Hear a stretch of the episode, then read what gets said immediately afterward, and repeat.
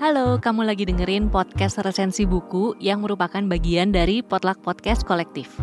Di episode ini, kamu akan dengerin resensi buku dari teman-teman yang berpartisipasi di kompetisi podcast resensi buku 3. Kompetisi ini berkolaborasi dengan tujuh penerbit, yaitu Gramedia Pustaka Utama, Kepustakaan Populer Gramedia, Penerbit Haru, Buku Mojok, Penerbit Mizan, Bentang Pustaka, dan Gagas Media, dan juga berkolaborasi dengan Inti Megah Suara Indonesia.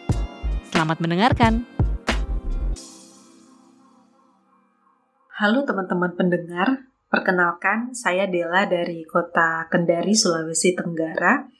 Kali ini saya akan mengulas sebuah novel yang berjudul Happiness Battle, karya penulis Korea Selatan bernama Jo Young Ha.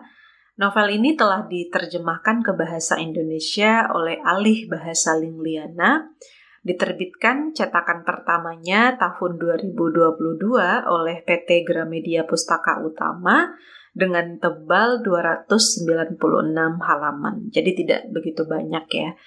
Novel ini berhasil memenangkan kontes penulis K-thriller di Korea Selatan.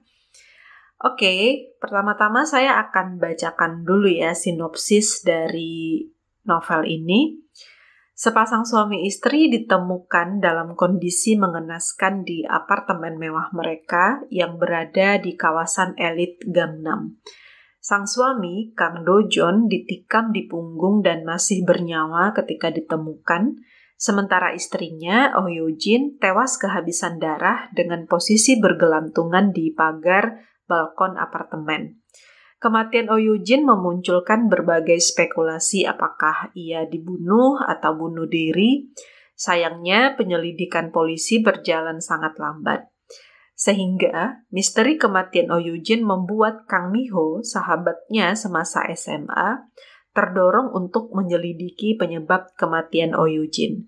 Bersama sahabatnya yang lain bernama Sekyong, mereka berdua menemukan banyak fakta mencengangkan tentang kehidupan Oyojin melalui postingan dan interaksinya di sosial media dengan para ibu wali murid TK International Heritage, tempat sekolah kedua anak perempuannya.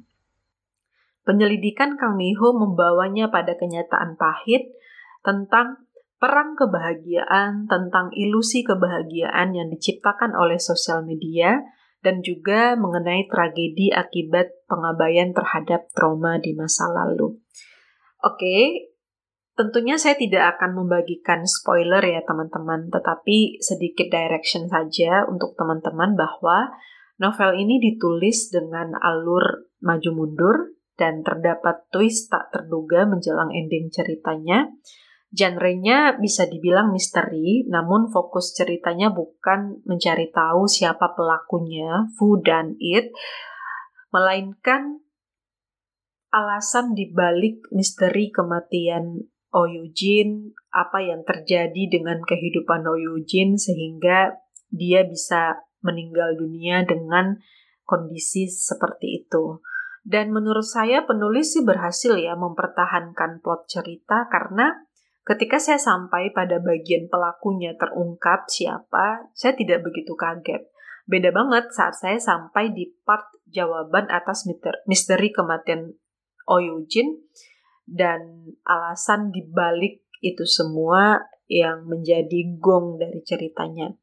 Apa yang membuat novel ini penting dan menarik untuk dibaca? Pertama, plotnya sangat rapi dan intens, sekalipun alurnya maju mundur dan menceritakan dua kisah secara paralel, terutama di bab kedua novel ini itu beneran intens sehingga saya tidak bisa skip satu halaman pun dan benar-benar candu ya untuk membaca bab keduanya sehingga berhasil banget membangun rasa penasaran pembaca untuk terus mengikuti sampai bagian akhir cerita.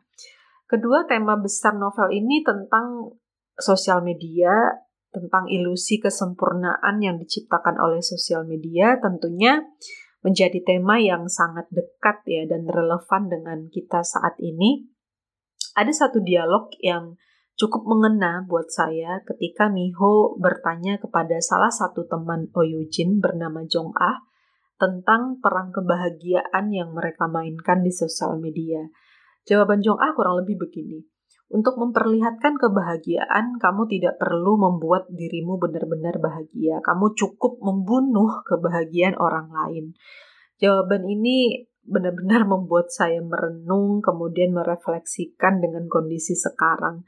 Karena sebenarnya yang terjadi saat ini di sosial media, dan kita juga menyaksikan hampir setiap hari, bahwa orang-orang bisa berkomentar dengan sangat kejam di sosial media orang lain dan kita tidak habis pikir alasan kenapa sih mereka harus berkomentar sejahat itu.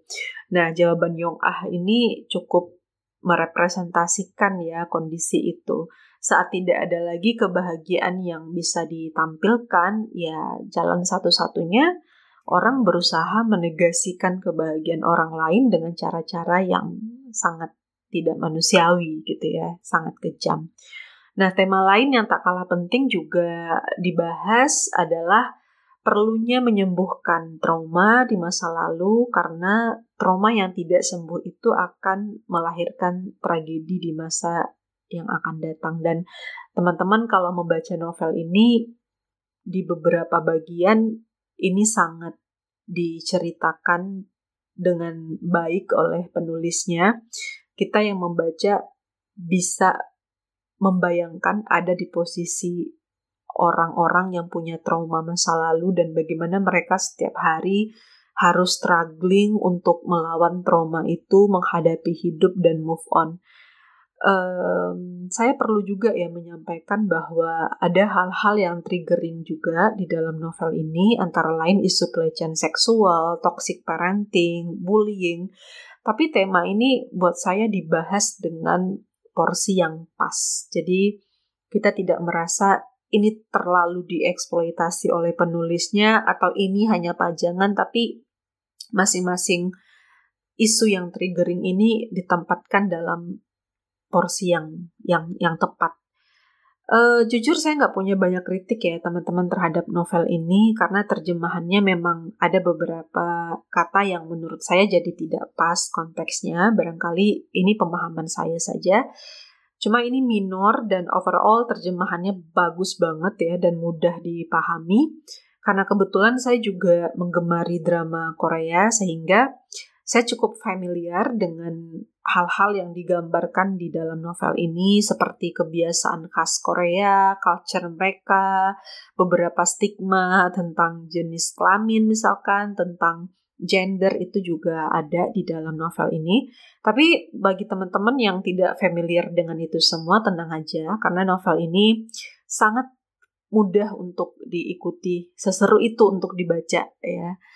Oke, itu ulasan saya tentang happiness battle dan sebagai penutup saya akan bacakan satu quote favorit dari novel ini. Kebahagiaan sangat abstrak, sementara kesedihan sangat spesifik, karena itulah manusia menyadari keberadaan diri mereka melalui kesedihan. Baik teman-teman, terima kasih dan selamat membaca.